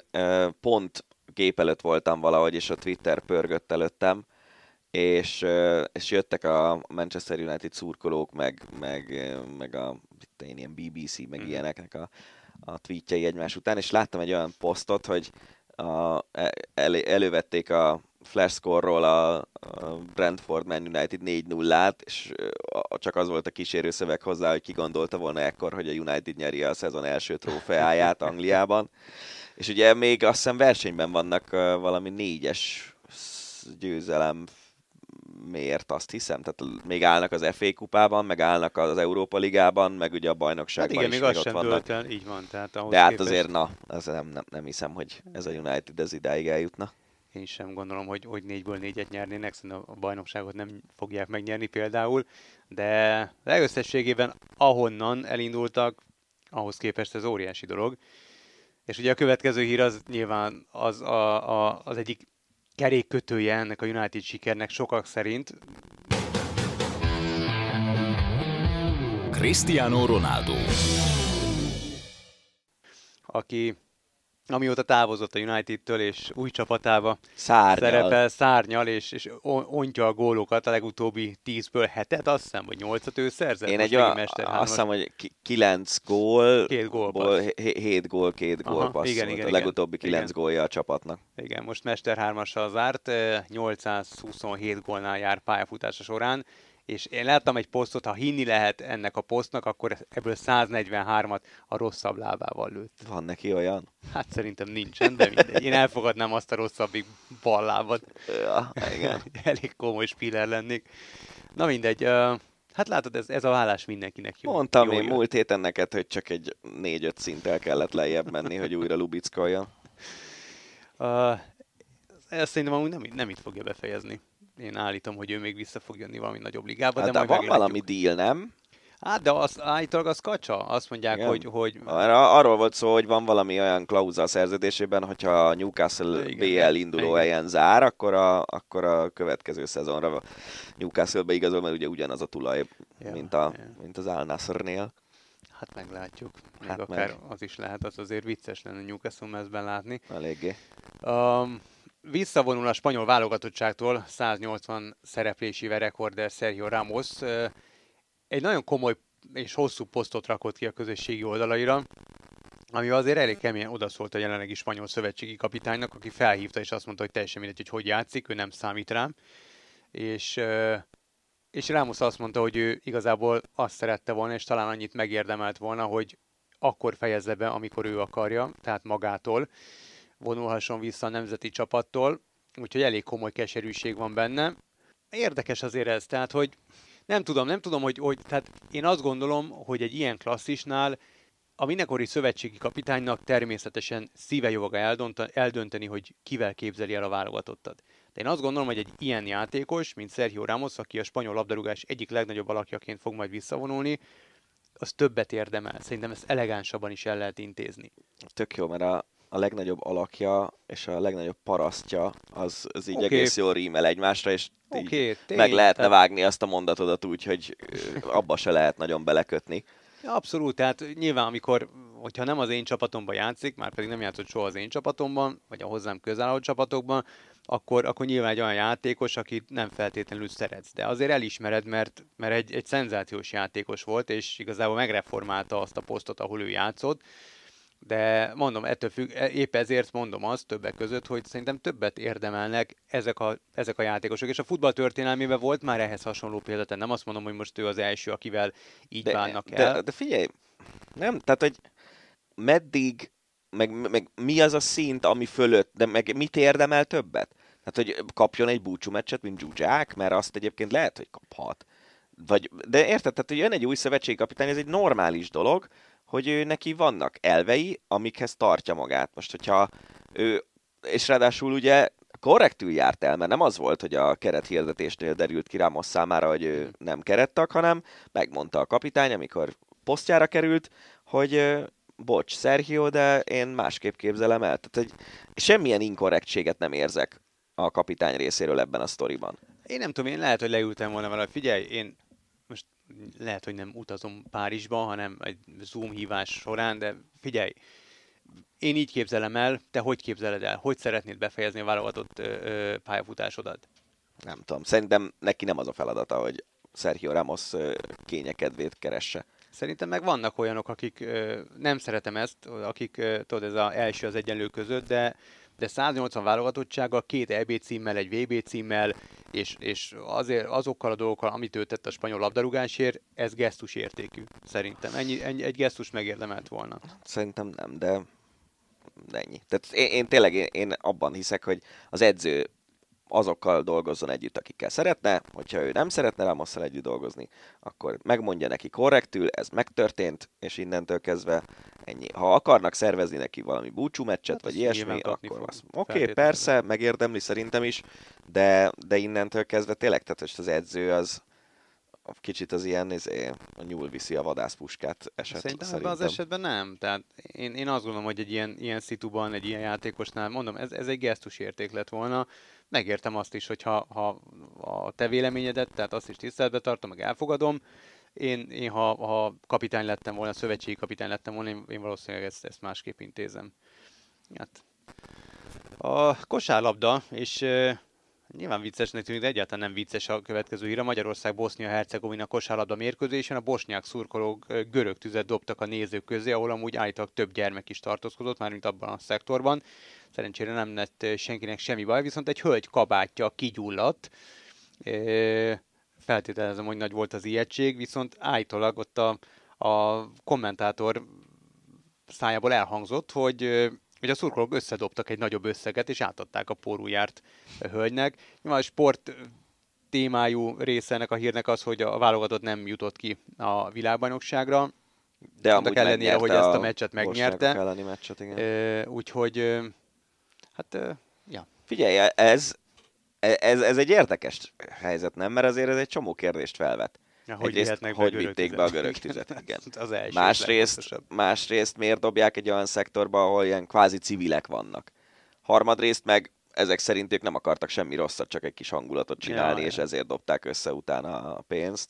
Szóval, ja, ez egy érdekes, de hát az Balkánon voltam uh, újvidéken kézi EB-n, és nem vihettél be apró pénzt. Egyébként Szerbiában valami nagyon alacsony összeg, nem tudom, hogy most is így van, de akkor úgy volt, hogy valami nagyon-nagyon kis összegtől kezdve már papírpénzeket használtak. Aha. Hát és pont azért, az aprókat másra használják. De tényleg az volt, hogy nem, nem lehetett bevinni apró pénzt, nem lehetett bevinni öngyújtót, egy csomó ha minden dobálóznak. De, de úgy nem lehetett bevinni öngyújtót, hogy egyébként dohányozni lehetett a folyosón belül, a csarnokban, 2012-ben.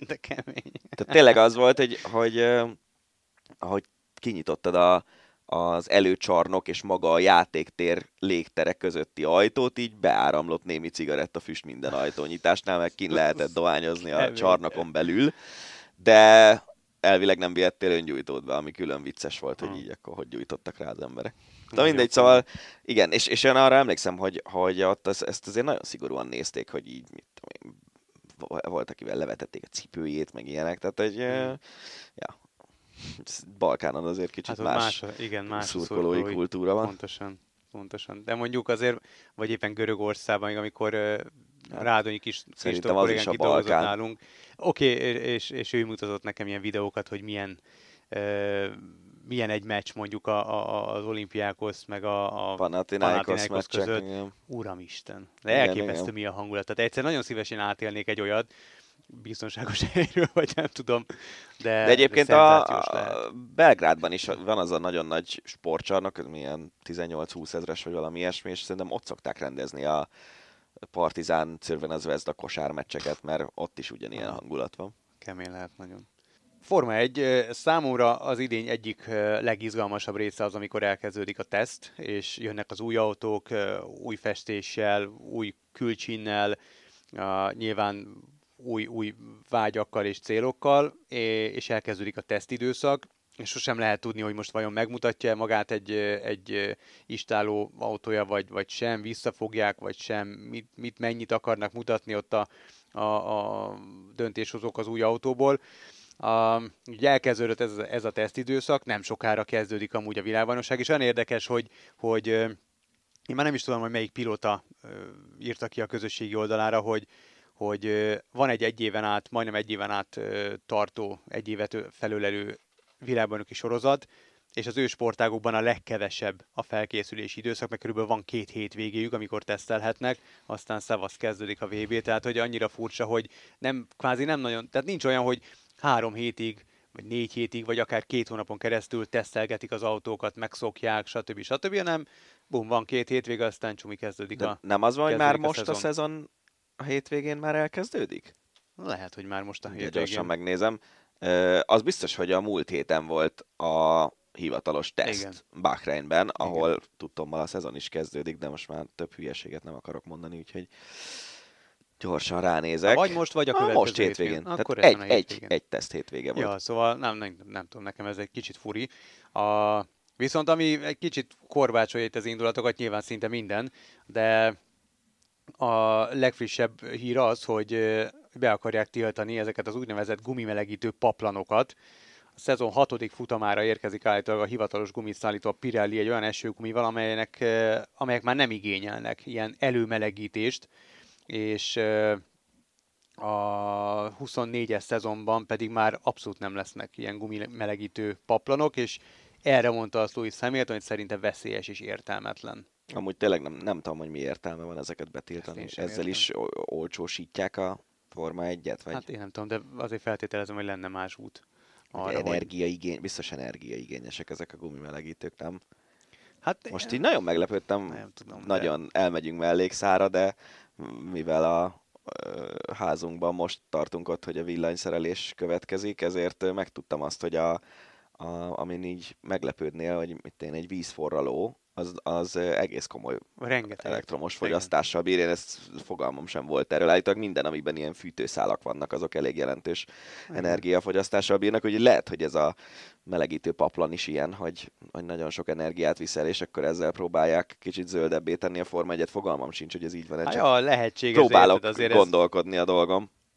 Tehát azért ez egy veszélyforrás, feltételezem, tehát nem tudom, lehet, hogy Hát nem főleg úgy, hogy látva most a Drive to Survive-nak azt hiszem három vagy négy részét megnéztem már, és az a hisztizés, amit a versenyzők, ú, nem tapad a gumi, jaj, nem tudom, és tudod, Hát baszki, hát nem, mennek 300 hát azért tapadjon már Hát de nem? tapad, csak nem annyira, mint Hát ahogy jó, hát- szeretnél, mert a másik, a meg, másik, hát- a másik az izé, két tizeddel gyorsabb tud lenni körönként, és akkor már siránkoznak a rádióval, jaj, de rossz ez a gumi, jaj, de lassan tudok csak Hát mert menni. nem tudnak versenyt, érted, nem versenyképesek. E- e- egyébként nyilván most kikarikírozom ezt a dolgot, meg az egész élsport lényegében erről szól, hogy te egy századdal vagy egy tizeddel Hát gyorsabb legyél a másiknál, de amikor ilyen 10 millió dolláros fizetésű emberek azon hisztiznek, hogy jaj, ez a másik gumia sokkal jobb, mint az enyém. nézd meg, hogy tényleg, tehát az, a másodperc tört része alatt hoznak döntést, vagy, vagy múlik egy, egy győzelem, gondolom azon múlnak azért dollár vagy euró milliók, illetve az, hogy, hogy milyen irgalmatlan feszültség az, amit, amiben ezek az emberek élnek, ezek a versenyzők, és most csak annyi, hogy, hogy én tényleg imádom a, a, az autókat, és régebben voltak gyors autóim, és nem vagyok rá büszke, de volt, hogy elmentem őrültködni. És meg sem közelíti nyilván ez a, ez a két dolog egymást, de, de az a feszültség, amit ad, amikor tényleg ott száguldozol, és, és mész, mint egy állat, és nyilván az én autó az kevésbé biztonságos, mint az ő autójuk. Tehát, hogy az, amikor utána, tudod, így kijött belőlem az adrenalin, és, és, és, és így végigfutott az agyam, hogy úristen, mekkora fasz voltam, hogy most ezt, ezt minek kellett egyáltalán. Na, ők ebben élnek egy egész szezonon keresztül, és tehát csak azt akarom mondani, hogy ez a siránkozás, ez lehet, hogy a, a feszültség ez, ez hozza ki. Más. Persze, és, meg... És az, hogy ott, ott azért tényleg meg valamilyen itt, szint az életükkel is játszanak. Meg itt olyan emberekről van szó, akik, ez. akik teljesen maximalisták. A, abszolút, persze, Amiről persze. Jászapáti Petra mesélt, hogy nagyon oda kell figyelni. Mondjuk egy, az, az érdekes volt az interjúban, nem, hogy, hogy az olimpiai évben ott azért intenzívebben igen, odafigyel a kajálásra, igen, mint igen, az olimpia utáni szezonban. De hogy, hogy tényleg ők is nyilván minden részletet a lehető legjobbra akarnak a, a, a körülményekhez, meg az elérhető legjobbra fölcsavarni, és, és persze panaszkodnak, hogyha a, a gumijuk nem tapad tökéletesen, csak van egy ilyen érzésem, hogy néha azt mondják, hogy nem tapad jól a gumi, és közben meg azért inkább az van, hogy egész egyszerűen nem tudnak olyan tempót menni, mint amit szeretnének, és valamire lehet, rá kell lehet, fogni. Lehet, hogy az is benne van, persze. Hát aki nem fog semmit semmire, csak döntöget itt a világcsúcsokat kényekedve szerint az Armand Duplantis, a rudugró fenomén, aki 622 cm-rel ismételten, hát egy centivel megdöntötte korábbi csúcsát, most 622 centi a rudugrás világcsúcsa. A 2020 óta megy föl centire, centiről centire, Renault Lavilleni tartott a 616-tal, és hát nem sokára itt lesz Budapesten a nyáron, úgyhogy aki teheti, az, az, az, az vegyen jegyet arra a napra, amikor Duplantis ugrik, Egyébként... mert az valami egészen döbbenetes élmény lesz szerintem. Az nagyon érdekes, hogy a selejtező is esti programos, a férfi rúdugrás selejtezője, miközben lehet, hogy Duplantis egyet ugrik, mert selejtező szintet ő azért viszonylag könnyen át fogja ugrani, és, és ugye az nagyon érdekes, hogy valahogy máshol lesz csak a férfi rúdugrás döntője, mint egyébként a, az összes 10 próba, azt nem, nem emlékszem, hogy a 7 próbában azt hiszem nincs rúd, de 10 próbában biztos, hogy van, meg a, meg a női rúd selejtező döntő, meg a férfi rúd selejtező, minden egy részén lesz a stadionnak, és csak a férfi rúdugrás döntő egy ilyen központi helyén lesz a stadionnak. És ugye ez szinte biztosan azért van, mert Duplantis létezik. Hát persze, halál, de óriási, nagyon, nagyon látványos. Igen, és ez nagyon érdekes kérdés, hogy pont szerintem az atlétikával az az egyik baj, hogy annyira szerteágazó, annyira sok különböző szám van, és, és hát nyilván van, akit, az egyik legjobb barátomat a diszkoszvetés érdekli ilyen nagyon. Ö, a, a kislányomat a magas meg a távolugrás hmm. érdekli. És mi, mindenkinek megvan a maga kis kedvence. És ö, szerintem e, e, ezért nem tudnak akkora nagy sztárokká válni az atléták, Usain Boltot leszámítva talán. Sprintereket Igen, lehet, hogy a sprintereket úgy összességében. De hogy mit tudom én, hogy hívják a norvég gyereket, aki 400-as? Valholm. Várholm, igen. Várholm szerintem, hogyha a Váci utcán végig sétál, akkor nem szólítják le. Biztos vagyok benne, hogy nem. És lehet, hogy Oszlóban az ottani Váci utcán igen, de, de itt nem. És, és mondjuk, mit te én focistából viszont... De, de ha Duplantis végig sétál... Á, Duplantis nem tudna végig sétálni szerintem a Váci utcán, úgyhogy... Hát bármivel lefogadom, hogy 10-ből 8 ember azt se tudja ki az. Hát lehet, nem tudom. Na mindegy, de Usain Bolt nem tudott volna. Hát ő nem, az egyértelmű. Ő nem, ő nem. Pont most uh, futottam bele ilyen tök véletlenül, nem tudom már mit nézelődtem, hogy uh, talán YouTube-on, de tök mindegy, hogy hol, hogy uh, egy ilyen összeállítás boltról, hogy mennyire jó fej volt mindig, tudod, a rajt, uh-huh. rajt során mindig ott vannak ezek az önkéntes gyerkőcök, uh-huh. akik odaadják a rajtszámot, vagy elveszik a melegítőjét, és mindig mindegyikkel valami készfogás volt, valamit ajándékot adott nekik, hogy tök jó arc volt. Ja. Tehát ő, ő, ő, emiatt is vált szerintem ilyen, ilyen világ hírességé, nyilván az eredményé miatt is, de hogy egy ilyen, hogy megmaradt ilyen halálemberinek. Tehát, hogy soha nem éreztette azt, hogy ő, ő világsztár, már pedig az volt. Hát azért szerintem nála érezhető volt, meg tényleg a, a, az, hogy, hogy ő nagyon kiemelkedett ismertségben az átlagos atléták közül. Tehetségben is. Hát, igen. Ja. Aki szintén kiemelkedett, akár ismertségben, akár tehetségben, az uh, milyen Nenadic? Azt elfelejtettem felírni. Petár Nenadic. Petár Nenadic. A, csak hogy kézilabdáról is beszéljünk, abszolút otthon vagyok nyilván. Szóval azért került be ez a sztori ide az Ácsiba egyrészt, hogy legyen kézilabda is, eh, ahogy ígértem, vagy ahogy megígértette velem Dani, az Ácsi összeállítása során. Másrészt meg, hogy azért nyilván ez egy érdekes sztori, hogy elküldték Veszprémből a, az utóbbi idők egyik legnagyobb Magyarországon megfordult klasszisát, és ugyanolyan okok miatt kellett elmennie annó Szegedről is, ugye fegyelmezetlenség miatt Szegeden dohányzott, meg, meg balhézott. Amennyire a... tudom, a dohányzás az megmaradt, de most ezt nem... Ja, igaz, remélem nem kapunk ezért egy sajtópert meg nem is, akar, nem, nem, nem is ez akarunk. a lényeg. Tehát annyi mindent lehet olvasni kommentekben, tudod, jól értesült ö, ö, helyi szurkolók írják be, hogy ez meg az, meg amaz történt, hogy nem is akarjuk tényleg taglalni, fegyelmezetlenség miatt ö, váltak meg tőle. Amúgy a, a témával kapcsolatban az eurosport.hu honlapunkon van egy érdekes ö, cikk kollégánk jó voltából, úgyhogy érdemes azt is elolvasni. Nagy Benyámin írta, és Igazából azért tettem be, mert nyilván te sokkal többet tudsz erről az egészről, meg Nenadicsról is, hogy ő mekkora klasszis, hogy mennyire fog hiányozni a magyar NB1-ből, mennyire fog hiányozni Veszprémből, illetve hogy megint egy olyan kérdést vett föl, hogy vajon ezekkel a géniuszokkal egy picit másképp kell bánni, vagy, vagy abszolút nem? Hát figyelj, kezdjük ott, hogy a magyar NB1-ből sem ennyire nem fog hiányozni, mert szerintem Nenádics egy ilyen nagyon hangulatember volt, és az, hogy most ő, nem tudom, a, most nem akarok semmelyik NB1-es csapatot megbántani, de mondjuk Budakalászon játszik 25-30 percet, és, és hogy hány gólt lő, azt szerintem neki tök mindegy volt. Ő, őt pont a, a Veszprémi teltházas BL meccsek azok, azok nagyon-nagyon pörgették. Uh, ugye arról hallani, hogy, hogy csapattársal meg edzőkkel is összeveszett, többször is állítólag, és most ez volt a mostani összeveszés, volt az utolsó csepp a pohárban. Igazából, hogy mennyire kell egy géniusszal másképp bánni, nem tudom. És ráadásul van egy olyan aspektusa is a történetnek, hogy van egy olyan pletyka, ami szerint Nenadic pont azt tette szóvá, abból lett a, az összezörrenés, hogy, hogy a többiek nem játszanak elég bátran, vagy szívvel, vagy nem tudom. Tehát, hogy nem, nem az volt, hogy, hogy ő most külön utaskodni akart valamit, és izé, hanem hogy állítólag, de mondom, ez, ez tényleg csak ilyen pletyka, állítólag az volt az ő baja, hogy mások nem teszik igazán oda magukat. Mm-hmm.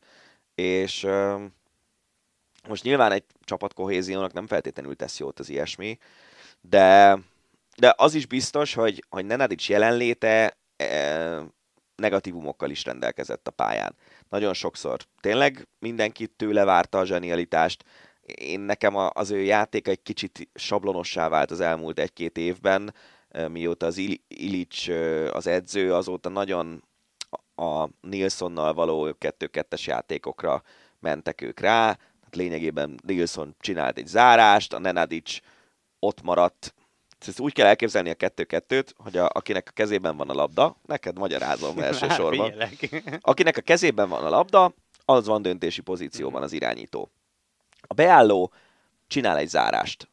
Ezzel az egyik védőt lényegében kiveszi a, a játékból, és a másikkal, a másiknak a viselkedése alapján kell az irányítónak ö, döntést hozni, hogy passzol, lő, cselez, mit csinál és, és ez a Nilssonnal való kettő-kettőzései a Nenadicsnak, ezek iszonyú hatékonyak voltak. Tehát ha kilépett a védő a Nenadicsra, akkor valahogy oda tuszkolta a labdát a Nilssonhoz, aki beforgatta a védőjét, és gól vagy hetes, ha meg nem lépett ki, akkor meg olyan lövőerővel rendelkezett, vagy rendelkezik a Nenadics, hogy belődözte. Aha. És ebből lettek olyan meccsek, hogy mit volt 8-10 gólos meccse, és mellé még 8-10 gólpassz akár amikor nagyon men neki. Volt olyan BL4-es döntő, ahol szerintem az elődöntőben majd, hogy nem ő nyerte meg a meccset. A, a legény búcsúmon néztük azt a meccset, okay. tehát 2019-es BL döntő. Hmm.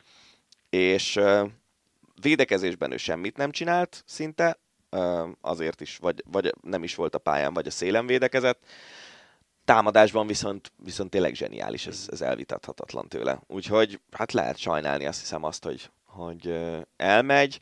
Ugye, ahogy ez Magyarországon már már ilyen hagyomány, most is a kommentelők ketté oszlottak. Van, aki uh-huh. azt mondta, hogy egy ennyire jó játékost azt ki kell tudni szolgálni a klubvezetésnek, van, aki meg azon az állásponton volt, hogy ez egy csapatjáték, és vannak szabályok, amiket mindenkinek be kell tartania.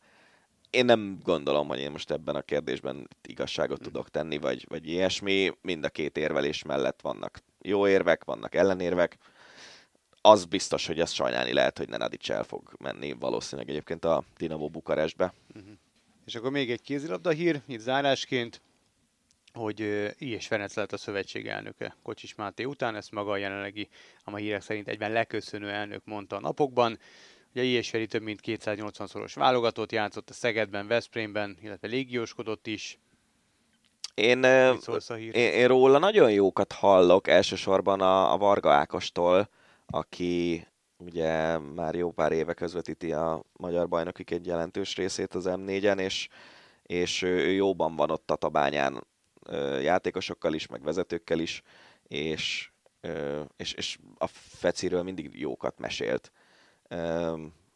Meg, meg az is látszott, hogy, hogy amikor a, a, az I és Feci visszakerült a válogatottba egy hosszabb szünet után, a, nem emlékszem már melyik év volt, de egy a szlovénok elleni VB selejtező, szerintem az a 10, 19-es VB-re lehetett a selejtező, 18-ban valamikor, akkor az ő jelenléte az iszonyú sokat jelentett a csapatnak, pedig akkor már azért nagyon a vége felé járt a pályafutásának. Tehát ő egy olyan játékos volt, aki, aki nagyon alul értékelt volt szerintem, mert sose tartották őt ilyen világsztárnak, meg, meg fontos játékosnak, meg nem tudom micsoda, de ő egyrészt rendelkezett vezetői kvalitásokkal, nem véletlen, ezt szerintem nagyon kevesen tudják, hogy a, a londoni olimpián ő volt a csapatkapitány válogatottban, pedig hát azért sztárokból jócskán volt abban a csapatban, akár Fazekas Nánditól, mm. Nagy Lacinát, Perez, Császár, tehát nem, és mégis ő volt a csapatkapitány.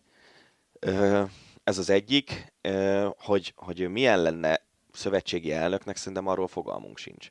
Ugye erről is beszéltünk már szerintem korábban, hogy a szövetségi elnöknek lehet egy olyan funkciója, mint amilyen elnökként szerintem Kocsis Máté is viselkedett, hogy ő próbál minél több forrás behozni a sportágába, és aztán azok, akik a sportákhoz egyébként értenek, azok meg ezt a forrást költsék el jól. Hogy ez most így történt-e, vagy nem, az, abban nem menjünk bele, adás. az egy másik adás. De, de egyébként, hogyha azt a gondolatot veszed alapul, hogy lényegében most a, a kézi szövetség szakmai vezetésében olyan emberek vannak, akik megbecsült edzők, vagy az elmúlt évtizedek, egy-két évtized megbecsült játékosai, akkor az irányra azt is mondhatnánk, hogy ez igazából így jól is működhetne. Csak lehet, hogy nem a megfelelő emberek vannak a megfelelő pozíciókban. Röviden ennyit. Hogy most I és Feci aki nyilván ért a kézilabdához, meg, meg azt hiszem, hogy, hogy Most jó... A Tatabánya is vezető szerepben van, meg igen. azt hiszem a határon túli kézilabdáért felelős akármi hát a igen, ő, ő onnan ö, származott, csak nem akarok hülyeséget mondani, ez, hogy Székelyföldről vagy nem, de mindegy, de hogy ő erdélyi, erdélyi ö, származású. Szóval é, lehet, hogy ez jól sül el, de az biztos, hogy, hogy itt egy másik jellegű elnöki szerepkörrel lenne szó, hogyha ő lenne, mert biztos vagyok benne, hogy I. és Fecinek nincs bejárása mondjuk a miniszterelnökhöz, vagy uh-huh. a, a ilyen-olyan ö, cégekhez, mint ami Kocsis Máténak megvan. Ö, úgyhogy meg meglátjuk, hogy ez, ez lehet, hogy azzal jár, hogy kevesebb pénzből, de mondjuk jobb szakmai munkával tud gazdálkodni a szövetség. Na hát ez, ez kiderül majd a jövőben. Na hát ennyi volt az Ácsi mára, meg ennyi volt a Hosszabbítás Podcast. Köszönjük szépen, hogyha vagy.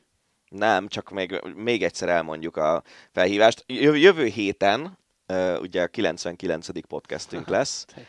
Uh, jövő héten el fogjuk dönteni a felvétel előtt, hogy megrendezzük-e a, a közönség találkozót, vagy nem. Azt hiszem, hogy ilyen 6 hét jelentkezőnél tartunk mm. most azt majd eldöntjük, hogy, hogy, hogy mi az a létszám, amivel már van értelme megrendezni a közös ácsi felvételt. Minden esetre, hogyha van még valaki, aki esetleg nem jelentkezett, azt tegye meg jövő, hát igazából ez ennek a hétnek a végéig a drevkukac.eusp.hu e-mail címen keresztül, és uh, ugye arról van szó, hogyha esetleg valaki az előző adások végét nem hallotta volna, hogy nem sokára jön a századik hosszabbítás podcast, és az átsírál azt gondoltuk, hogy egy ilyen közös felvételt csinálhatnánk a, azokkal, akik hallgatnak minket. Úgyhogy ha erre van kedv, meg idő, akkor írjatok e-mailt, és jövő héten elmondjuk, hogy lesz ez a rendezvény két hét múlva valamikor, vagy nem. Úgyhogy tegyétek meg. Köszi szépen, hogyha meghallgatjátok a podcastet. Révdanit és Farkasvölgyi Gábort hallottátok. Vigyázzatok magatokra, sziasztok! Ez volt a Hosszabbítás, az Eurosport podcastje. A műsor témáiról bővebben is olvashattok honlapunkon az eurosport.hu.